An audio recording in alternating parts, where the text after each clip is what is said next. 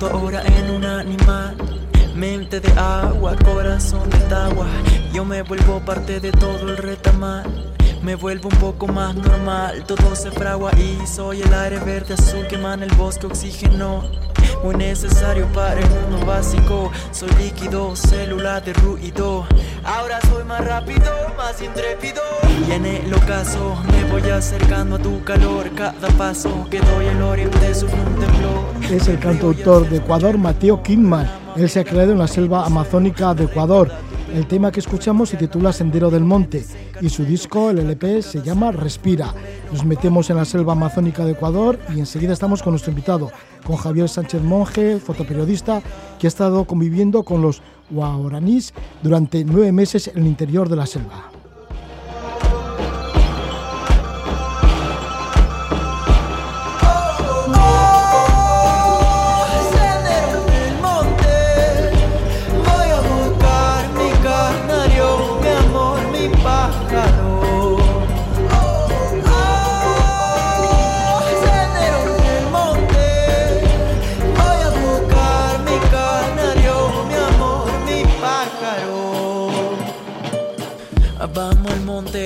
Que la lejanía nos incomunique. Subamos a la meseta a ver el horizonte. Vamos a que Mateo Kimbrand desde la Amazonía de Ecuador. Y hacia allí nos vamos y estamos con Javier Sánchez Monge. Eres fotoperiodista, licenciado en Filosofía y Ciencias Empresariales. Ha sido galardonado con numerosos premios internacionales y ha expuesto fotografías en Estados Unidos, México y otros países de Europa y Asia. Ha vivido en diferentes lugares como Gambia o los 10 años que pasó en Camboya. Es autor del libro El arte de la fotografía documental, una odisea entre el cielo y el infierno. Ya le tuvimos en, un anterior programa de Levando Anclas a Javier Sánchez Monge hablándonos de este libro y también nos habló de los reportajes que hizo en el vertedero de Siem Reap en Camboya o cómo documentó el paso del tifón Haiyan en Filipinas. Diremos también que Javier Sánchez Monge ha fotografiado ceremonias ancestrales en el Tíbet, en Tailandia, ha convivido con etnias en Birmania, en China y en otros muchos lugares del mundo. Ha estado en campos de refugiados y ha seguido el éxodo de los Rohingya tras la huida del estado de Arakan en Birmania. En esta ocasión nos vamos a centrar en una experiencia iniciática que transformó su vida. Convivió durante nueve meses con los nativos Huaoranís en el interior profundo de la selva amazónica de Ecuador durante ese tiempo vivió desnudo, como los propios indígenas, compartió, eh, compartió, con ellos sus quehaceres, los quehaceres diarios, les acompañó a la pesca, a sus partidas de caza. Ahora nos lo cuenta Javier Sánchez Monje. Bienvenido. Buenas noches, Javier. Eh, buenas noches, Roge. Pues sí, muy bien, Javier. Pues sí, que una vida, ¿no? Muy intensa la que llevas, ¿no? De un lugar a otro, conociendo un montón de culturas de la tierra, pero esta sí que te marcó muchísimo. Igual porque fue una experiencia larga y de una convivencia con gente que no vive en nuestra civilización. Efectivamente, fue sobre todo muy intensa. Yo había llegado, yo era muy joven, ¿no? Pero había llegado a un punto en mi juventud que no veía el sentido de la vida. La sociedad occidental te impone una serie de valores que se supone que tienes que seguir, de, crear una familia, tener una casa, comprarte un coche, seguir adelante, pero yo quería buscar otros valores en ese momento y, y creí encontrar la respuesta eh, pues con algo tan radical como era eso, ver cómo eh, podía a lo mejor vivir en una tribu eh, totalmente aislada de la civilización y ver cómo éramos a nuestros orígenes, por si eso me podía aportar una alternativa a la manera de pensar del occidental. Antes habías hecho viajes en coche desde Madrid hasta Bamako. Mm, fíjate, antes de llegar a, la selva de Ecuador, me gustaría preguntarte, ¿por qué te ibas a Bamako por tierra, cruzando el Sáhara de Argelia hasta llegar a Mali?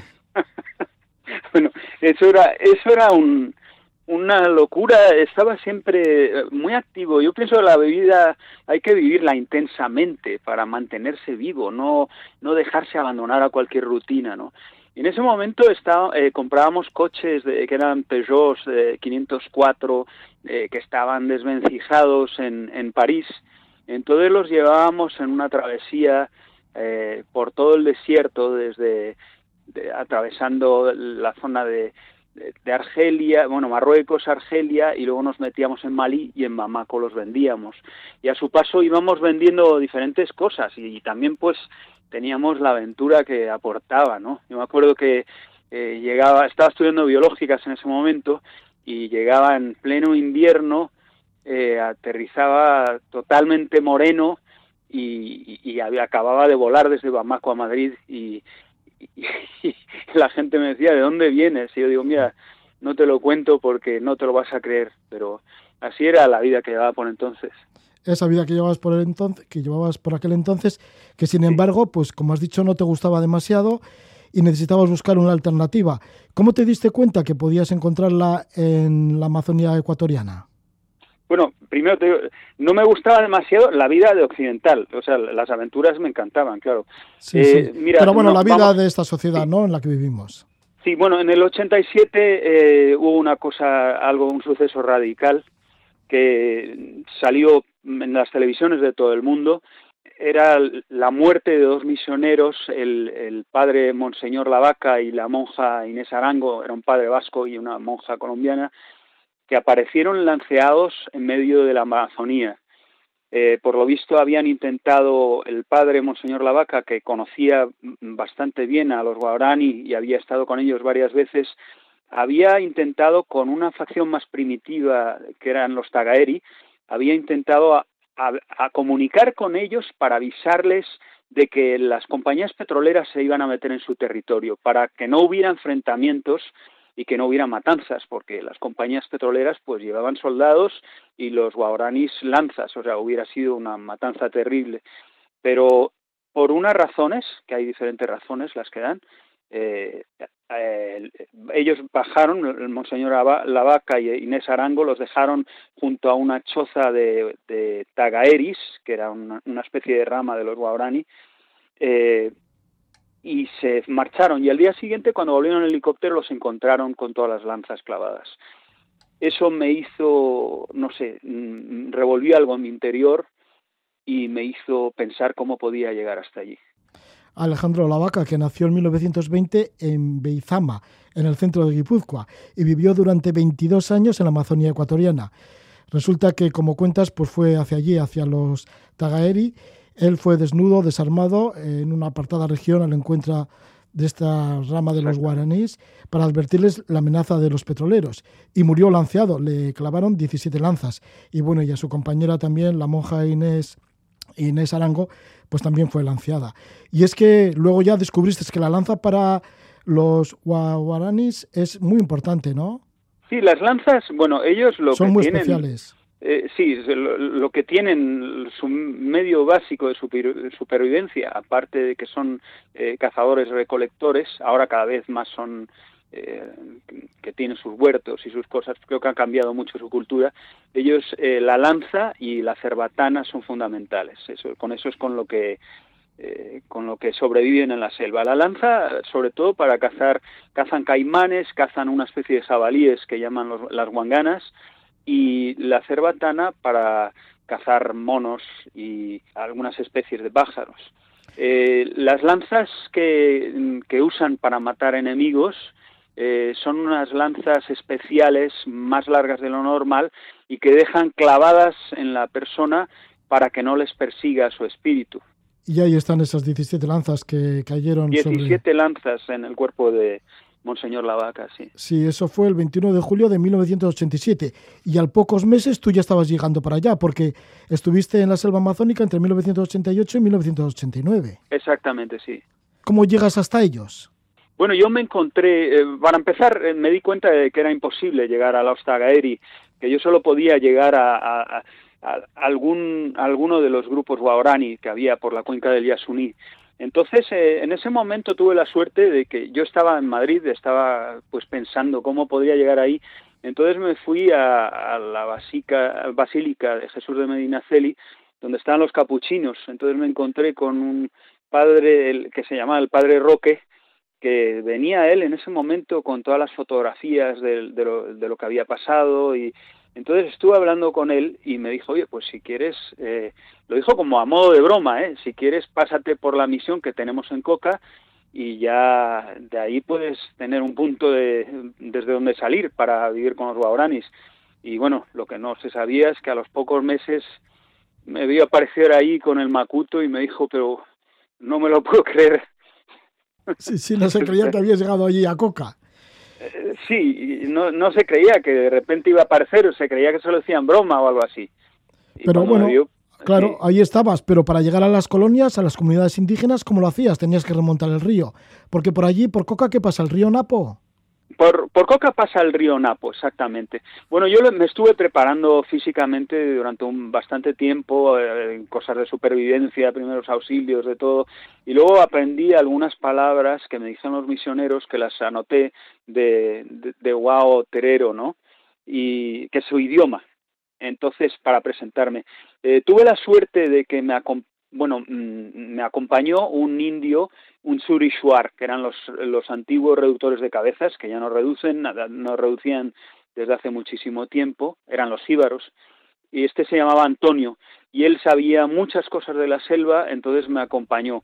Eh, conseguimos un cayuco, eh, fuimos en una, en una barca que sube por, por el Alto Napo, eh, en una base militar que había a la entrada del Yasuni, conseguimos eh, eh, un cayuco para poder llegar hasta los guaranis.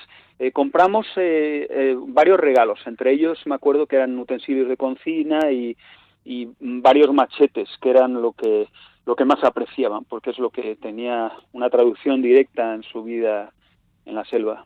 Así que con Antonio y ese cayuco, pues remontasteis el Napo, que es afluente del río Amazonas, y del, del Napo pasasteis al río Yasuní, que es afluente del propio Napo. ¿Cómo fue ese trayecto? ¿Cómo fue ese encuentro? ¿Cuándo, ¿Cómo fue ese encuentro con la selva ¿no? y con, con la jungla y con toda la fuerza que tiene la naturaleza por allí?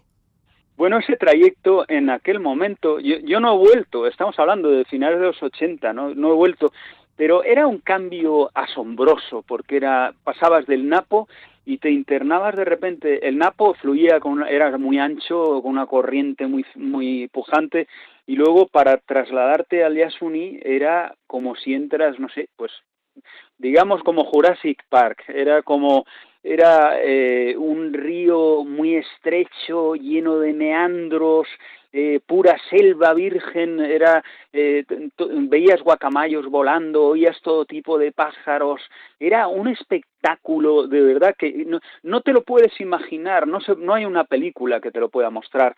Íbamos, según íbamos remando, es que estábamos con, con la con la boca abierta, bueno, yo sobre todo, eh, eh Antonio conocía la selva, pero era algo absolutamente apasionante ir ir eh, remando río arriba. Teníamos que ir muy pegados a las orillas para no tener toda la corriente. Íbamos bordeando los los, los meandros. Así que la naturaleza os envolvía. ¿Cómo eran los campamentos que montabais? Porque cada jornada, ¿en dónde terminabais con toda esa vegetación? Bueno, muy buena pregunta. Mira, eh, a la noche, eh, como una hora antes, como eran manglares, eh, no había prácticamente donde acampar. Entonces, una hora antes ya teníamos que ver mm, que si no encontramos un sitio donde acampar, es que nos teníamos que quedar en el cayuco prácticamente. Entonces teníamos que saltar rápidamente en una zona que pudiera haber un poco de arena y macheteábamos la zona, creábamos un pequeño rectángulo donde pudiéramos establecer el campamento. El campamento eran dos hamacas eh, donde dormíamos, hacíamos un pequeño fuego donde cocinábamos y luego eh, de un termitero cortábamos eh, cuatro trozos que los quemábamos y los poníamos en las cuatro esquinas del rectángulo. Ese humo lo que hacía era, era estaba humeando todo el rato y ahuyentaba a, a todos los insectos, porque si no te freían los mosquitos aunque eh, mientras estabas fuera de la mosquitera, claro, porque luego por la noche nos poníamos mosquiteras. ¿Cómo son los sonidos por el río Yasuní de los animales y de todo lo pues que de todo lo que está por allí? Porque claro, tú desconocías todo eso, ¿no? Y seguramente que algunos sonidos eran, vamos, de estos de bueno, pues eh, bueno, mira, el más impresionante era el del mono aullador, porque es como como una especie de león, es como oh, oh, una, una, una cosa eh, sobrecogedora, parece que está un jaguar al lado, pero no, es un mono bastante grande. Y luego, eh, pues bueno, pues todo tipo de... Yo qué sé, es que no lo puedo imitar, además ya no me acuerdo casi, pero era todo tipo de pájaros, guacamayos, eh, eh, de todo, lo que no te podías ni, ni imaginar. Incluso había, me acuerdo que había una especie de, murciélagos diminutos que eran diurnos. Ibas remando y si tocabas contra un árbol salían y, subían un poco más arriba arriba y se posaban en otro árbol al lado y si al remar rozabas ese árbol volvían a salir. Así era algo impresionante la fauna. ¿Pescabais allí en el río Yasuní según ibais a en busca de estas colonias de indígenas?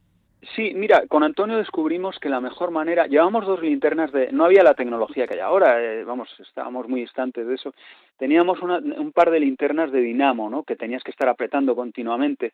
Eh, porque claro, yo iba a pasar mucho tiempo ahí, ¿no? Entonces, eh, por la noche te acercabas a la orilla del río y había como unas charcas y en esas charcas se metían una especie de, peces muy, bueno, que eran muy grandes y eran como, como, como duros, no sé qué nombre tienen, pero el caso es que los cazabas con el machete, el macheteabas el agua y, y, y de repente veías que salía uno pues partido en dos o lo que sea. Eso era lo que era la mejor manera de pescar. También pescábamos pirañas. Para pescar pirañas lo difícil era conseguir el, el cebo para la primera piraña. Y luego cuando habías conseguido una piraña ya podías usar sus tripas y seguir pescando pirañas. Y el problema es, pues bueno, pues quitar el anzuelo, que a ver quién se lo quita. El, eso lo hacía Antonio, porque es que se te lleva un dedo, vamos. La piraña. Mm. sí, sí. Muchas veces había que, que bueno, no sabes cómo eh, lo, tenía que hacer Antonio, las, machacaba al entrar en, cuando las subía al, cayuco, porque es muy peligroso una piraña viva por ahí. Sí, sí, de eso tiene fama. Entonces, claro, ibais para allí al encuentro de los guaraní, con la fama que tienen de que no les gustan demasiado los forasteros, seguramente que ibais temerosos, ¿no? Había como un enigma, como una gran incógnita de qué puede pasar con vosotros cuando contactéis con ellos. Bueno, fantástico. Has dado en la esencia del problema, ¿no? Eh, mira, a los, eh, vamos a ver, a los quichua, que es la población indígena de, Ecuador, en general siempre ha temido muchísimo al guarani. Entonces, no, guarani en el idioma, en el guao terero, es, eh, quiere decir gente, simplemente. Es como ellos se llaman a sí mismos. Pero los quichua, les llamaban aucas, que es un nombre despectivo, es como salvajes, incluso como caníbales, como gente guerrera, feroz. Era un nombre totalmente despectivo. Y los eh, guaraní a su vez llamaban a todo, toda persona que no perteneciera a, a los nanicabo, que son los grupos de guaraníes, o sea, que no perteneciera a los guaraníes, les llamaba Kohori. Kohori quiere decir caníbales, quiere decir eh, gente que no es gente, vamos. Entonces, eh, había una actitud hostil hacia todos los que no fueran de, su grupo. Entonces, ¿qué os podía esperar? ¿Y cómo fueron los primeros, eh, bueno, momentos así en los que os disteis cuenta que os estabais acercando y que podíais ya tener contacto con ellos? Bueno, eh, mira, primero lo, lo, más importante es decir que en la atmósfera subyacía ese miedo mm, no implícito, no explícito que, hay de la leyenda de los guaranis que, que te pueden atacar porque ya sabes que han matado a gente, a trabajadores de las petroleras con lanzas, a misioneros, han, habían tenido varios enfrentamientos muy, muy salvajes con, con lanzas y los habían matado eh, subyacía para nosotros ese, ese miedo de, que pudiéramos no ser bien acogidos, ¿no? Entonces, después de varios días remando río arriba, eh, cada vez que escuchábamos, escuchábamos a veces como unas voces, ¿no?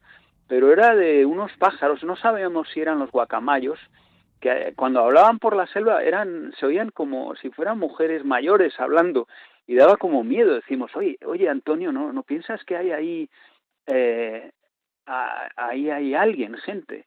Entonces siempre estábamos pensando, ya están llegando, ya, ya van a aparecer, ya van a aparecer, hasta que en una de esas eh, oímos voces y bueno, nos, la verdad es que nos quedamos sobrecogidos. Porque oímos voces y ya escuchábamos claramente las paletadas de los remos y eran eh, tres cayucos que estaban bajando, eh, ya nos llegamos de lleno y ese momento era como el, encuentro, ¿no?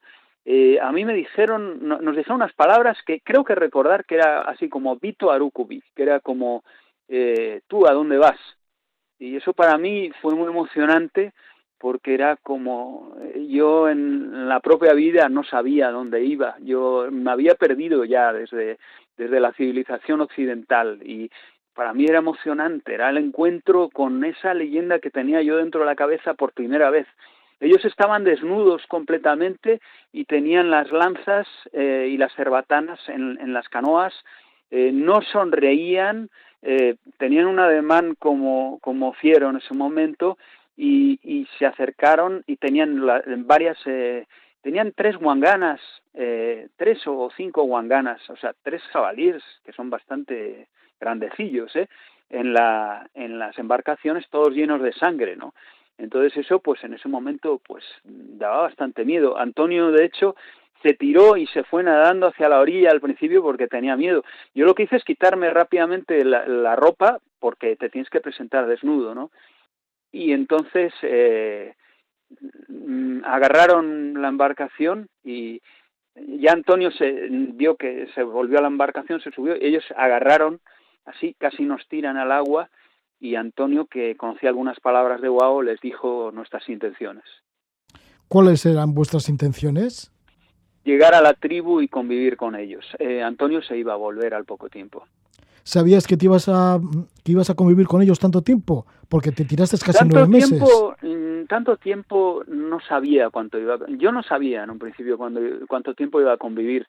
Lo que sí sabía es que estaba harto. Eh, yo, yo, iba ahí como una alternativa al suicidio. No, la vida no me decía nada en Occidente. Eh, yo iba en busca de un significado de, diferente, de una interpretación nueva. O sea, ver eh, qué somos, qué es la esencia humana. Eh, hemos nacido con la naturaleza, somos parte de la naturaleza, hemos estado así miles de años y de repente nos despegamos y renegamos de la naturaleza, ¿no? De una manera tan radical como es ahora, por ejemplo, ¿no? Entonces, yo quería saber si había otra cosa que me restituyera ese, amor por, por la vida y por ver otros valores en todo. Así que estabas decidido a todo y a quedarte durante un tiempo con ellos para conocerlos y para vivir su vida.